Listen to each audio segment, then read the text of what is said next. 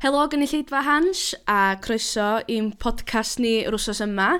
E, mae hi'n wsos iechyd meddwl wsos yma a pwy sy'n siarad efo fi ydy Meilir Rhys a dwi'n siŵr newch chi nabod i wynab o'n syth wrth chi ddechrau gwylio. Um, e, Dych chi wedi weld o ar sawl sgrin a sawl llwyfan ond dwi'n mynd i gyflwyno gormod anna fo herwydd dwi'n siŵr newch chi ddod i ddysgu digon amdano fo yn ystod y sgwrs yma rhwng y ddau yna ni. Sut wyt ti Meilir cyn yn byd arall? Dwi'n dda iawn, diolch i ti. Mae'n braf ti allan da, mae'n yn helpu, da. Yndi, mae'n ofnadwy o braf, a yn ystod cyfnod fel hyn, mae hynny'n fendith, dydy, dweud gwir. Ar candi. Cael allan o tŷ, da. Cael awyr iach. Ia, yn hollol. Reit, ta, fel o'n i'n dweud, dwi'n mynd i gyflwyno chdi rhyw lawer er mwyn i chdi gael gwneud dy hun. Wel, hynny ydy, reit chydig o dy hanes, be ti'n neud, be di dy yrfa di, be wyt ti'n neud o ddydd i ddydd, lle. Nain o fi di Meilir Rhys Williams. Dwi'n wreiddiol yn enedigol o lan uwchllyn wrth ymlaen y bala. A dwi'n actor bellach ers, wel, nes i adael coleg, oh, deg mlynedd yn ôl. Wel, yna, na scary dy yna, Ynddi, mae'n ddeg mlynedd ys i adael coleg, a dwi wedi bod yn actio'n broffesiynol ers hynny. Ac mwynhau yn amnadwy, mae'n rhaid i ddweud, a dwi bellach ar ôl wneud lot ar uh, yn y theatr efallai, ges i'n swydd hir dymor gyntaf y teledu a raglen boblogaidd rownd a rownd. A fanna dwi wedi bod ers tua 5 mlynedd bellach a dwi'n mwynhau yn ofnadwy na. O, dwi'n falch iawn bod chdi'n mwynhau a dyna lle dyn ni'n abod chdi wyau ma siŵr yn de. Um, ond er bod y ddau yn ni yn yr un fath o faes mewn ffordd lle, dim fel na nathyn ni ddod yn ffrindiau mewn ffordd na i Na ci, um, ti, eisiau fi ddeud? Os wyt ti eisiau, dos di, ie. Yeah. Wel, nes i ddod ar draws di gynta just drwy dy waith um, yn gyffredinol ac dod yn fan o dy waith di. Ac wedyn, mi ddesi ar draws dy, um, dy ddarn nes i sgwennu ar golli dy dad a nes ti ryddhau yn gyhoeddus.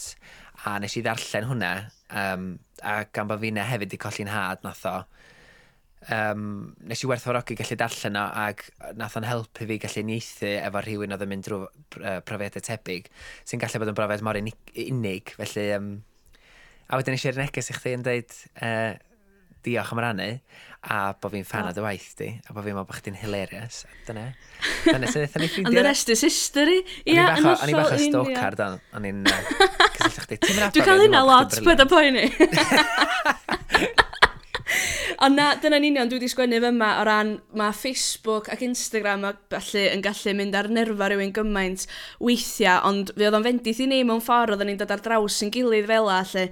Ac yn anffodus mae un peth sy'n clymu ni at yn gilydd ydy'r ffaith bod chdi a fi wedi colli tad ac ni yn oed ifanc lle ynddo. Ond eto, o hynny wedyn, da ni wedi gallu cyfarfod mewn gigia a gallan ag o gwmpas a falle, a cael sgwrs ar ddau yn ni'n nabod yn gilydd. A mae hynny beth pwysig dydy bod rhywun yn gallu ffeindio rhywun sy'n gallu uniaethu fo fo. Um, faint o bobl wyt ti'n teimlo fatha bod chdi yn gallu mynd atyn nhw a siarad a bod nhw'n dall. Mae hynny'n rhywbeth prynd ydy, ti'n gwybod? Yndi, um, yn anffodus, dwi'n lwcus bod fi'n nabod lot o bobl yn yr un sefyllfa. Ti'n wedi fel? Ie, ie, ie. Ac oedd yna'n ffrindiau coleg i nath i golli iw rhieni o fewn blwyddyn i gilydd i, gansar.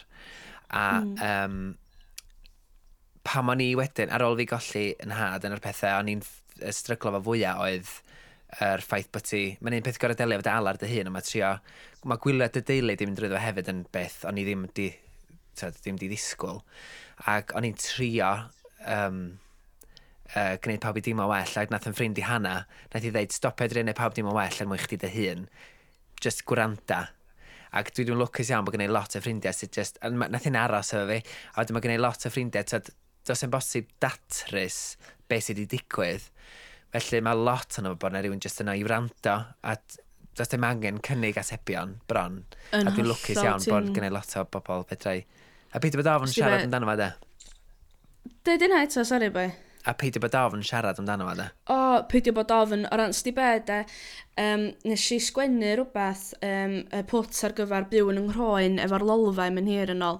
A nes i ddeud yn hwnnw, biti, na fasa diw neu be bynnag sy'n cipio aned y lola dyn yn reid reseit i alar drwy blwch y pos pan maen nhw'n mynd. Herwydd mae o fatha reid silff Ikea i fyny heb instructions, dydy. Ti'n gwybod, fatha, o ran, pan ti'n cael anwyd, mae o mor hawdd i fynd, limsip cold and flu, a na fo, mae o di mynd, ti'n gwybod? Mae'n rhywbeth mor a gwyn na hynny, ond mae galar, dwi rhywun yn gwybod lle i ddechrau. Ti'n gwybod, mae'n ma, ma, ma anodd o ran ti'n gorfod delo efo'r brofedigaeth i hun, a fatha ddech chi'n dweud, mae teulu'n dod i mewn, a wedyn ti'n gorfod edrych ar ôl dy hun. Mae'n just yn un lob sgws o bethau dyd gwir, ti'n gwybod? Yndi. Ond o ran, ti'n gwybod, pa mae erbyn hyn, lle, ar ôl i chdi fod trwy'r cyfnod na, o ran, ti'n gwybod, mae 2014 nes ti golli dy dad, dwi'n iawn yn dweud hynna? Ie, yeah, na ti, ie. Yeah. Ti'n gwybod, so, lle mae yna chwe blynedd di bod erbyn hynny, a dwi'n gwybod yn hun, dydy o ddim yn o ran ti'n mynd dygymod efo'r peth nad ydi dderbyn o, ond mi wyt ti'n dysgu sut i fyw efo fod wyt, Meilir. O ran, Wyt. sut wyt ti wedi mynd o gwmpas gwneud hynny, lle, ti'n gwa? Tywed, dyna di peth, e, tywed, efo anaf corfforol, mae'n haws, mm. mae'n hawdd i ddeli, haws i ddeli efo, achos mae gen ti perspektif anna fo lle mae rhywbeth sy'n digwydd yn dymenydd di, ti'n gallu, mae'n anodd iawn i chdi dynnu dy, dy, uh, ymwybyddiaeth neu na, be di'r gair, bod yn ymwybodol o beth sy'n mynd ymlaen yn yeah, dyfren di, yeah. achos mae fatha mm. trio sbiar chdi dy hun heb ddrych, dydy. Yndi. Ac dyna nes i ffeindio'n anodd i ddechrau fedd, dwi'n oedd trio datrys beth sy'n mynd ymlaen yn dyfren di, ac eto peth arall o'n i'n mynd ddisgwyl oedd, mae o fatha, um, mae'n digwydd o'n fi, mae fatha, mae dyfren di, jyst mae'n lai o le yna fo, o'n i'n sylw- ffeindio bod e just bod fi'n methu delio fe'r un peth, a dy ddim yn rhywbeth mae gen i gyr pen, dwi'n gallu teimlo fo. Mae'n rhywbeth sy'n digwydd i'r sut mae dy feddwl di'n gweithio. Yeah. Felly, a nes i ffeindio, yeah. bod fi hefyd yn ofnadwy, sydd efo galar, nes i bod fi'n mynd yn ofnadwy i ymynedd, ac um, bod yng nghof i yn ofnadwy, bod fi ddim efo lle i gofio pethau enwe, geirfa, mm. mae'n digwydd i drwy'r adeg o'n. Yn edrych pam dwi'n ffeindio bod o'n uh, hitio reit galed. Ond, uh, beth sydd Mm, dyma sy'n helpu fi. Ti, ti yn llygad y le, sori, doryd y draws. Na, na. Ran, ma, hwnna di tro cyntaf fi glwad rhywun arall yn deud bod galar wedi effeithio ar ei con nhw a bod matha bethau, ti'n gwybod, o ran hyd heddiw, am bod fi, os ydw i'n cael teipio rhywbeth, na, dim ond hynny dwi'n canolbwyntio yna fo. Dwi'n gweld ti'n haws deud pethau bron, lle ti'n gwybod, pan dwi'n siarad efo rhywun, mae'n ngeirfa fi'n mynd, ma, ti'n gwybod, mae bo matha o bethau am bod chdi'n meddwl am gant a mil o bethau, bod y feddwl di'n rhithro. Mae'n ma amhosib mond meddwl am un peth dydy mewn ffordd. Ynddi, achos ti'n gwybod y crio ar, mm. ar colli, ar hireithi, mae rhywun yn disgwyl hynny, ac er nad ydy'n hawdd i deimlo fo, mi wyt ti'n ddisgwyl a beth ti ddim yn disgwyl ydy dy menydd i gael ei effeithio mewn ffordd, mewn pe, efo pethau ymarferol iawn o ddydd i ddydd a yeah. oedd hwnna rhywbeth o'n i'n ddisgwyl ac mm. dwi wedi gorau bod yn dod yn, yn edrych, dyn ni fel teulu wedi dod yn dda iawn ar uh, trio er mwyn gallu, na wedi achos bod ni'n byw fo'n gilydd lot, a da ni'n gwmni'n gilydd lot fawr, a da ni gyd efo'n profiadau ac ein um, teimladau yn hynny a sut i ddelio efo fo, a'n ffyrdd hollol unigryw sut i ddelio efo, dyn ni wedi gorfod dod yn dda iawn ar egluro sut dyn ni'n teimlo, sut mae be dyn ni angen gan yn gilydd er mwyn gallu helpu efo'r galar mae hynny'n beth braf hefyd, ti'n gwybod, eto'r ddealltwriaeth na, er bod chi ddim yn galaru'n yr un un ffordd, y ddealltwriaeth bod chi ddim yn galaru'n yr un un ffordd, a bod gennych chi'r rhyddid i wneud hynny, ynddo. Yeah. Um, yn amlwg, mae galar yn rhan fawr o bywyd, ti'n gwybod, yn bywyda'r ddau yn ni, lli. Ond sut wyt ti, ti yn dioddo unrhyw gyflyra, um, ti'n gwybod, iechyd meddwl, fel arall, neu ydy bob dim wedi dod yn sgil y galar wyt ti wedi brofi, ti'n yn amlwg, dim rhaid i chdi ateb yn agorad, ond dwi, nes, nes, o'n i'n dioddo i seldar cyn i fi golli dad, ti'n gwybod, a gorbrydar cyn hynny. A wedyn ddath amball beth arall yn sgil y galar, ti'n gwybod, o ran, mm. yn rhin am chydig bach am PTSD o'r ffordd fi o dad farw, ti'n gwybod, just lot o yeah. bethau'n sgil. Bethau, sut wyt ti'n delio ddydd i ddydd tu hwn ti'r galar, lle? Um, Wel, nes i ddioddech chydig bach fwy selder a gorbryder of anxiety pan ma'n i yn ferddegau um, nes i ffeindio fan anodd iawn dy gymod efo'n rhyweldeb achos dwi'n hoiw. Bellach, ond, tywed, cyn i dad farw, o'n i wedi delio fo hynny, o'n i wedi uh, gweithio lot ar fi fi fi hun i ddod yn hyderus efo pwy ydw i, a bod yn hapus efo pwy ydw i. A wedyn, pa fydd dad farw, uh, nes i sylweddoli mae'r gorbryder wedi dod yn ôl dde gwaith drosodd a mae rhywbeth sydd yn gorfod trio dy orau i i'w reoli ac dod i adnabod beth sy'n digwydd yn dy ymenydd di sydd mor anodd, ond gweld dros gyfnod os yma'n chwe mlynedd sy'n golli dad, ond dim ond rwan dwi'n dechrau dod i ddallt, ond mae hwn yn helpu reid dos allan o'r tŷ neu i ffindio beth sy'n rhoi y dŵr oer yn y stymog i angneud i'n halon i gyrra ar adrenalin eto dwi'n mynd constant a beth sydd ffindio chydig yn slo bach beth yw'r triggers os oes na rei o gwbl achos weithiau fel ti'n gwybod y hyn, mae'n siŵr dos am byd, ti'n codi, ac mae yeah. derbyn e-bost neu y ffaith bod ti wedi aros 10 munud extra yn dyweled i'n ddigon i just i chdi gael attack mewn ffordd yn hollol, ti'n llygad dy le o ran, um, dyna oedd y cwestiwn nesaf rhaid i ofyn i chdi, os wyt ti wedi cael rhywun yn,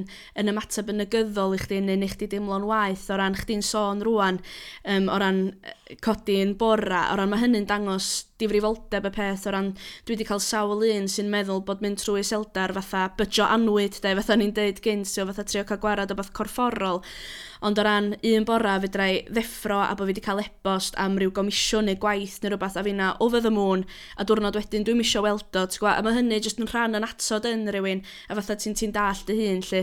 Um, ond eto, ia, wyt ti wedi cael rhywun yn ymateb yn negyddol o ran, ella bod hyn yn dod yn sgil dim digon o siarad o fewn cymdeithas sydd ohoni heddiw, ti'n gwybod, o ran ti wedi cael profiadau drwg, lle? Um,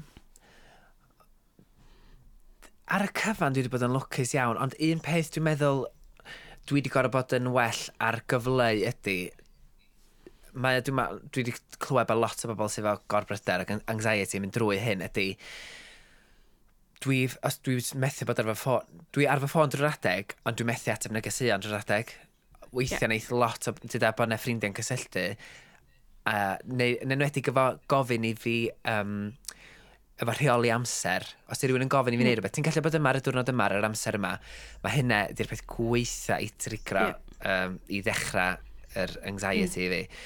Ma, yeah. Felly dwi wedi gorau glir i ffrindiau a maen nhw i gyd wedi bod yn ffantastig. Dwi wedi gorfod deithio nhw fatha, dydw i ddim yn gallu bod yr un mor ddibenadwy o'n i, a dydy o ddim byd personol. Mae rhywbeth dwi'n gorfod gweithio fa, a mae yna rhywbeth yn digwydd yn ymwneud, dwi ddim yn dall pam, ond pan mae rhywun yn gofyn am fy amser i, neu yn gofyn i fi fod yn drefnus, ac ym, i drefnu ymhell o flaen llaw i wneud rhywbeth, mae hwnnw yn un o'r triggers drwg sydd gyda fi o ran... Yeah. Felly, na i roi'r ffôn i lawr a na i ddim ateb. Neu, neu dwi ddim yn gallu cymitio i lot o bethau sydd yn... Mae gas gen i fod fel e, ond mae rhywbeth dwi sylweddoli. Mae hwn yn un o'r pethau gweitha sydd wedi dod allan o'r galar gyda i o ran sut ydw i fod pobl eraill. Ac dwi'n teimlo dwi'n teimlo, gynnau gwylydd wedyn, ddim gwylydd, ond dwi, dwi'n siomedig gyda fi fy hun, bod fi'n methu weithio bod yna i fy ffrindiau. Na chdi, o ran chdi'n deud o'n bod gas gen ti, pethau wyt ti'n teimlo fatha bod nhw'n chydig bach o eogrwydd yn dod efo hynny, bod chdi ddim yn ateb y negeseuon ma'n ôl, lle? O, oh, bendant. A mae hwnna'n rhan o'r peth ti'n delio wedyn. Mae o'n gylch... Mae o'n gylch... Ysdi be. ...diaflig wedyn, dydy? Mae o Yndi, mae ma, afiach o beth o ran, dwi'n yn unio y fath, a chdi ti'n gwybod, um, dwi dal i boeni weithiau nes i um, gyfarwyddo pantomim pa bryd oedd i flwyddyn dwytha, ia flwyddyn dwytha o'n llidolig dwytha, ac o'n i'n gorfod canslo amball um, ymarfer heb roi treswm, ti'n gwybod, a dwi'n gwybod wedyn bod rhai ar criw, dydym di roi treswm, ac, ti'n gwybod, ac rhyw bethau bach fel a mae'r eogrwydd a ti'n mynd yn ôl wedyn a methu dod ohono fo, ti'n gwybod, ond fatha, mae'n bwysig atgoffa chdi dy hun ddylsan am meuogrwydd bod. Tio, mae hynny'n rhywbeth rhaid i rywun, fatha chdi a fi, just trio cael ei mewn i'n penna yn does. A mae'r ma ofn hefyd, petai ti'n deud yn union beth sy, dwi wedi cael yn siomi siomwyr ochr orau bob tro fan ffrindiau lle dwi wedi yeah. deud. Yn holl. O, dwi just, mae'n anxiety fi'n ddrwg, dwi'n methu delio fo. A, pet, a mae yeah. ma pawb mynd, diolch am ddeitha fi, dyna ddim problem. Yeah. Lle mae'r cwilydd yeah. yn rhan o'r ffaith ti ddim yn cyf cyfleu'r dy ffrindiau beth sy'n digwydd, yeah. a mynegu beth sy'n digwydd dy fren di. A gwydyn yn hynny yeah. wedyn, mae nhw'n ma nhw'n penderfynu dros i hynny beth sy'n digwydd ydyn dydy. Ie, yeah, yn hollol. O ran, ti'n gwybod, mae'n y peth ydy, mae'r ofn na yn dod drostach di dydy eto heb reolaeth, lot o bethau heb reolaeth, ac unwaith wyt ti yn siarad efo dy ffrindiau, ti'n sylweddoli wedyn bod chdi'n gallu gwffio fo a bod o jyst yn rhan fach ohonach chdi a ddim yn cymryd chdi drosodd yn llwyr ynde? Ie, yn allal. A mae'r eogrwydd na wedyn yn mynd ydy sydd yn un peth llai ddelio fo. Ie, yeah. o, yndi, yn hollol. Yeah yn hollol.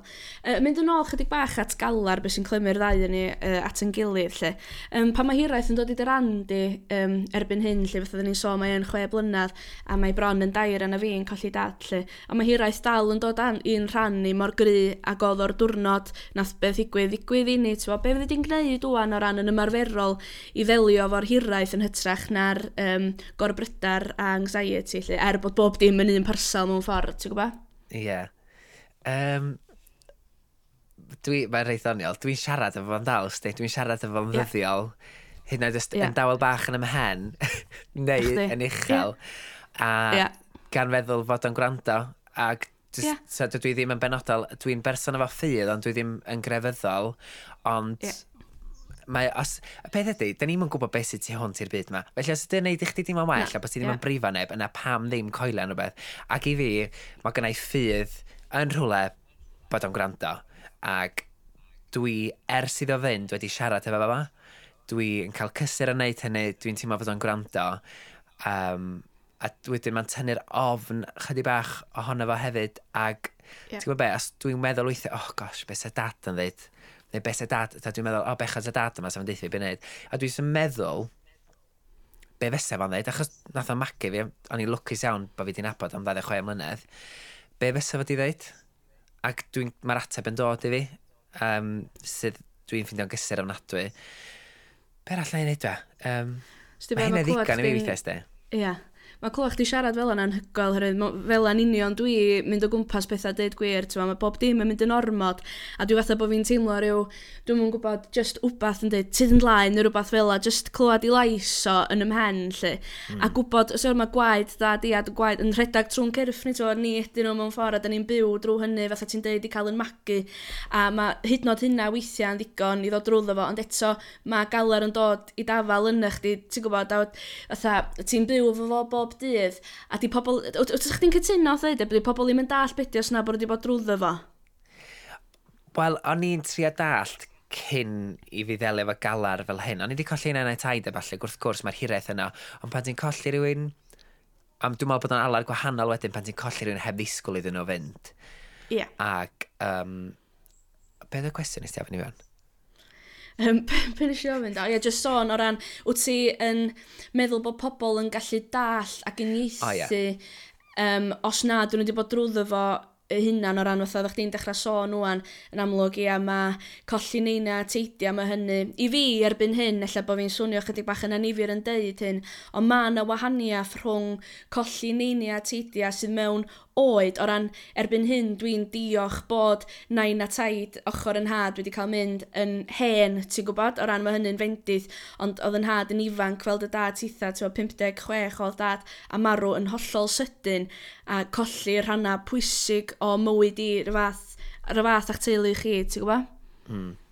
A ti'n fe, o'n i'n trio dallt, wel na, di rhywun i'n misio meddwl, ond eto, pan mae gennau ffrindiau di colli'r rhieni, o'n i'n trio, ti'n trio uniaethu neu ti'n trio cydymdeimlo er mwyn gallu helpu nhw, ond, a ti'n fel o'n i'n sôn cynt, na, fyswn i ddim wedi gallu paratoi yn bedio, achos na. yn ymarferol, ti'n gwybod bod ti'n mynd i golli rhywun, ac yn y peth uniongyrchol yna, mi wedi drio dychmygu sydd mae, ac wrth gwrs, mae nhw'n gallu dychmygu bod o'n boenus ofnadwy. Be da ni ddim di ystyried ydy, mae e'n effeithio ar dy fyd di bob tamed o dy fyd di. Mae bob dim rwngda chdi di newid. Mae dy deulu di newid, mae, o, mae dy fywoliaeth di newid, mae sut wyt ti'n mae sut wyt ti'n neud pethau ddydd i ddydd yn newid achos bod ti'n gorau delio efo yn ymarferol ac felly dy ddim just poen ac yndi mae hwnna'n rhan fawr ohono fo Ond be do'n i ddim yn ddisgwyl, oedd yr, peth, yr knock-on effect yma sydd wedi digwydd i mywyd i. A, ac yn hynna, na, faswn i ddim wedi gallu paratoi fy hyn. Na, ie. Yeah. Mae'n ffordd. Wyt ti'n teimlo, wyt ti'n teimlo fatha, er na fyswn i fyth yn amlwg yn dymuno ffasiwn brofiad ar neb, ond oherwydd bod ni wedi gorfod mynd trwyddo fo, wyt ti'n teimlo fatha bod chdi wedi dysgu i garu pobl yn fwy, i gwerthfarogi pethau'n fwy, a bod na rhyw fath o ran dwi'n credu'n fawr, twa, bob dim twyll sy'n digwydd i chdi, bod rhaid chdi ddod o hyd i ryw fath o ola neu rhywbeth ohono fo. Be ti wedi ddysgu o fynd trwy'r profiad ti wedi bod drwyddo fo, lle? O, yma mae wedi bod yn siwrna hir, achos i ddechrau fai, o'n i'n... Um, ti'n gorfod, o'n i'n gorfod delio efo, os ti'n colli gobeth yna, ti'n mynd, o'n i'n sylwi bod fi wedi troi'n negyddol iawn, ac o'n i'n, o'n um, dod at bob dim efo agwedd negyddol, achos, a wedyn eisiau sylweddoli bod fi'n gwneud hyn er mwyn gwarchod fod hyn, achos os nag wyt ti'n hapus, ac os nag wyt ti efo gobaith, yna fedrith y byd ddim dy ddychryn di, drwy dynnu hwnna ddi arna chdi. Ac yeah. oedd hwnna, i, nath o ddechrau fi braidd, achos oedd hwnna fi le tywyll iawn, iawn, a wedyn, Ti'n gwybod be, rhyw Paul's Drag Race ac rhyw Paul ei hun, dwi'n mwyn siŵr sôn os yna chi'n gwylio fo'r rhaglen dyledu am drag queens, ond nath rhyw Paul o'n i'n gwrando ar ei podcast o, ac mae ma o'n mae, mae gen fo gyngor oedd yn, oedd yn, yn gret i fi, oedd o'n deud, stop, bydda, os ti'n teimlo bod bywyd yn rhaid dro, mae gen dywyll yn ar hobinsiad bach o halen ar ei benno, da ni ddim yma'n hir, heb ddychryn ddychryneb, da ni'n mae un ffordd, ffordd edrych yn wedi, da ni, da ni gyd yma am gyfnod byr, felly paid a canolbwyntio yn rhy galed ar y pethau sydd wedi dyfrifo di, tria, rhoi pinsiad a halen efo fo, cymryd y byd fel mae'n dod, er, ac tria weld y pethau sy'n dod â hapusrwydd i chdi a ffocysu ar y pethau, canolbwyntio ar y pethau sydd, sydd yn hardd a sydd yn dod â llawenydd i chdi. Ac yn hynny, nath, nath rhyw Paul yn dweud, Robin siap bach o halen yna fo. Ac gymryd efo ba bach sgafnach sydd yn swnio mor hyfedd, ond i fi yn bersonol, nath hynna just popio'r bybl a neud fi fynd... Nath, nes i allan nadlu to a mynd, yeah. oce, okay, dwi'n di, dwi di gymryd y pwer tu all, allan o'r boen ma. Ac mm. dwi'n di gymryd hwnna'n ôl a dwi'n di dweud, na, dwi ddim yn mynd i adael. Ynddo dwi'n gael are, dwi'n gadael fy hyn fod yn drist ac i deimlo'r dwyster na. Ond wedyn dwi'n dweud, reit na, dwi'n di... Dwi'n di... Dwi'n di reoli'r sefyllfa yma wana. Dwi'n di fforsio'n hyn i drio gweld y gorau methau. Ac hefyd, nath, nes i feddwl be fysa dad, dod os ydy dad yn gwylio, y peth fysa gas gyda fe fwyau weld ydy bod ni fel teulu'n yn methu dod allan o'r diwch na. Yeah. Ac er nad ydy o'n ma'r hawdd a jyst deud, na fo, stopia, wrth gwrs, ond mae'r nath yr newid persbectif na ar, ar y galar helpu fi yn fawr iawn. O, yn sicr, yn union beth sy'n ei newid persbe persbectif dydy o, ydy o ran, mae'n yna fwy am ddod i ddygymod yn hytrach na rhyw fath o wella yn llwyr, dydy, ti'n a mae dod i ddygymod efo pethau boed galar neu unrhyw fath o iechyd meddwl arall, mae hynny'n fendith o ran, fel dwi wedi sôn yn ddiwedd, mae'n daith hir iawn, ond unwaith ti'n cyrraedd rwla lle ti, dwi'n mwyn gwybod os ydio'n hapusrwydd o ran oherwydd bob dydd, mae'r hiraeth, mae'r rhywbeth yna'n gefn y meddwl, ond mae'n braf gallu bod yn y gair Saesneg content, da, just bodlon, da, ti'n? Ie, yeah, yn allal.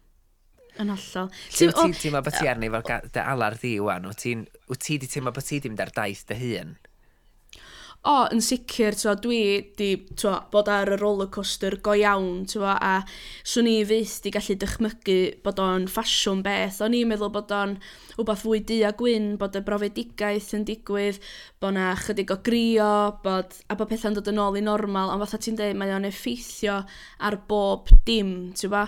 Swn i'n dweud na dim ond rhyw hanner blwyddyn yn ôl nes i ddod i ddelio efo'r ffaith bod dad wedi mynd, oherwydd unwaith ath dad, nes i feddwl, reit, ydy mam yn iawn? ti'n Twa, eisiau mewn i'r mod na fatha, reit, mae rhaid i fi wneud yn siŵr bod mam yn iawn.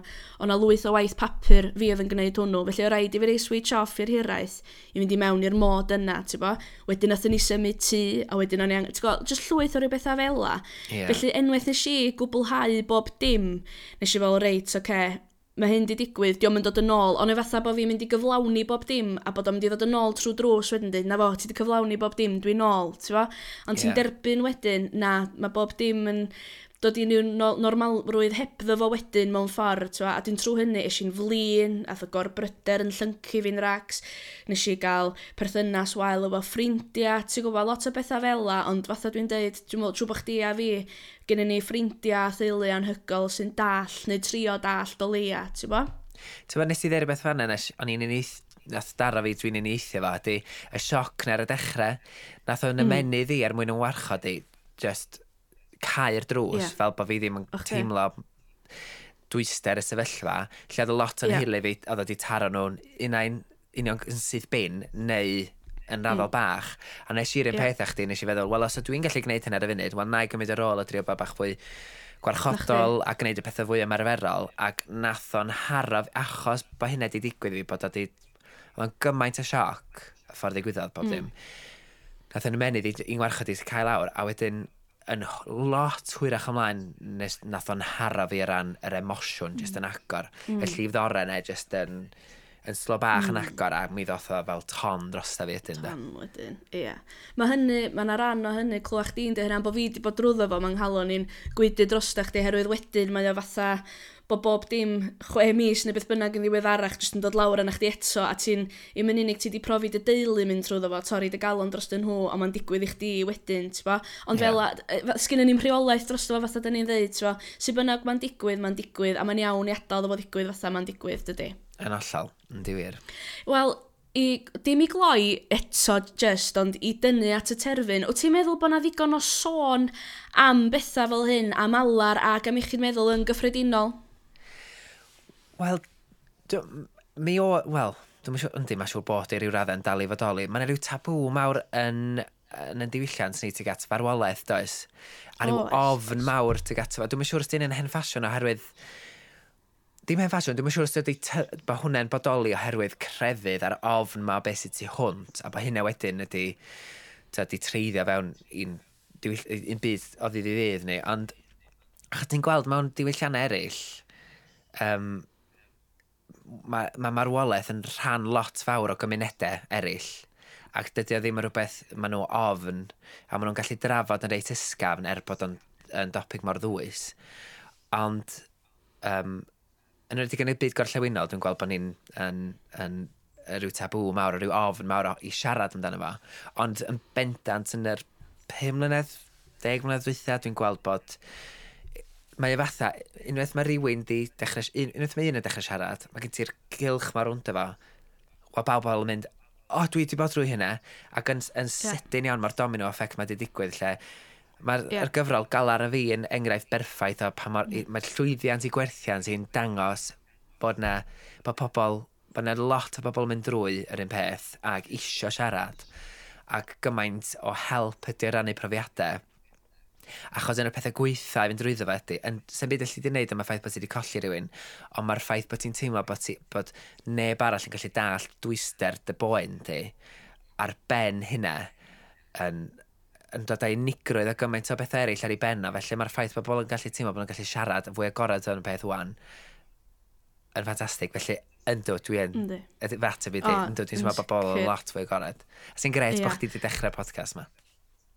Ia, yn hollol. Twa, o ran chdi'n sôn nhw'n am um, twa, Cresnogaeth a byd y gymdeithas dyn ni yn ddi, lle, o ran sbio di hefyd ar sa'ch chdi'n sbio ar grefydd a i ddewiaeth, o ran mae marwolaeth yn gymaint o ffys, os ti'n dall beth i fel, a yeah. twa, mewn Cresnogaeth fel a dyn ni wedi cael yn magu o ran twa, hen draddodiadau Cymreig, fatha cael cyrtan pa mae'r hers yn dod heibio ffennas, so, rhyw bethau bach fel a, ac erbyn hyn dwi'n sgwennu am rhyw bethau a mewn ffordd gomediol, ti'n gwybod, o ran mae'r eich yeah. chwerthin am ben am amball beth fel a delio fo galar yn y ffordd ti yn delio fo dim dan law crefydd, ti'n gwybod? Yeah. A dwi'n meddwl bod hynna yn digwydd yn ara deg bach wan, ond eto mae'na ffordd hir iawn i fynd yn does, yn wedig yng Nghymru, ti'n gwybod? Oes, bendant. A ti'n be, gafon ni rhyw fath o ddau ffarwel efo dad, gafon ni'r angladd, a wedyn gafon ni gyngerdd yn Bala, Ach, lle, achos oedd yeah. dad yn un o sylfaenwyr cwmni Theatr Maldwyn, gafon ni bawb yn y neuad yn Ysgol Berwyn, yeah.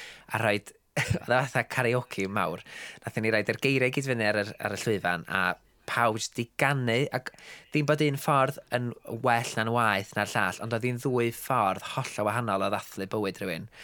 Ie. Yeah. Sy'n dangos i chdi bod na jyst fwy na jyst un ffordd. Yn hollol yn hollol milir.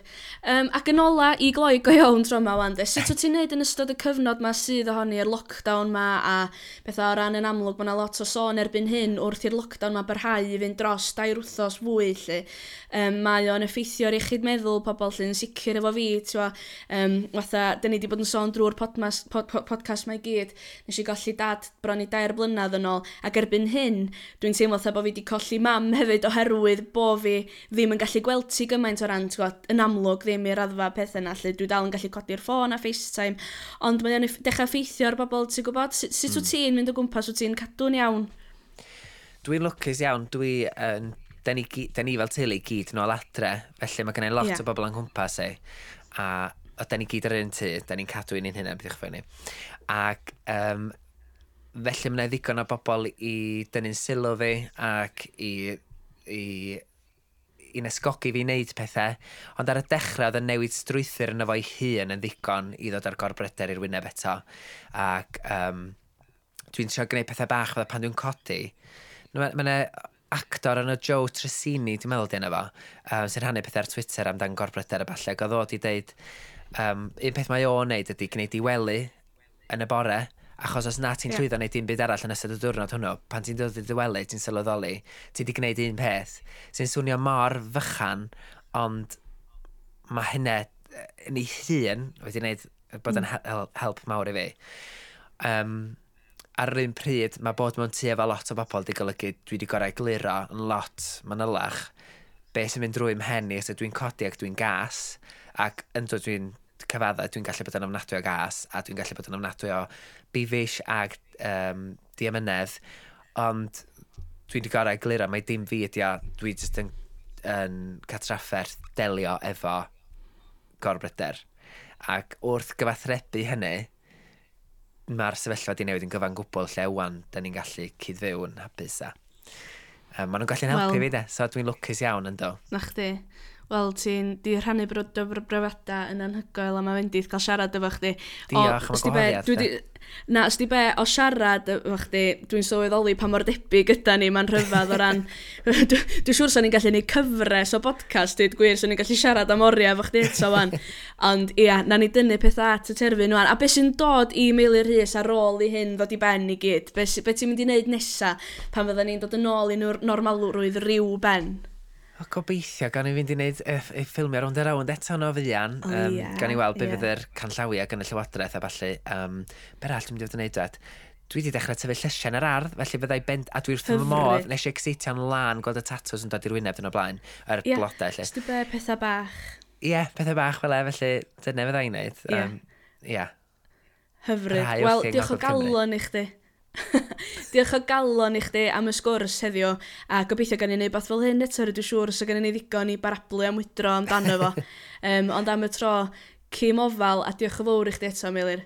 Diolch o galon i ti. Diolch, tra Cyw. Ta-ta.